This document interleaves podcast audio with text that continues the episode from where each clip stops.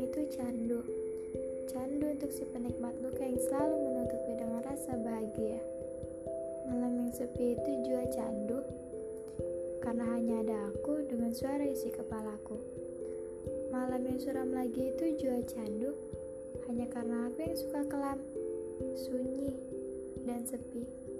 Maaf, karena terlalu egois, karena hanya memalam tanpa melihat usaha siang. Tapi seharusnya kau tahu makhluk sepertiku ini tidak suka bising Aku lebih suka menyendiri, sepi, lalu pergi sendiri. Aku tak suka melihat semua orang terlalu sibuk mengejar harta. Aku juga tak suka merasakan mabuknya jadi pelajar yang selalu dimabukkan tugas dalam isi kepala. Aku hanya mau malam yang sepi, malam yang mendengarkan suara hati, malam yang suram, tapi menyimpan ribuan kata bahagia.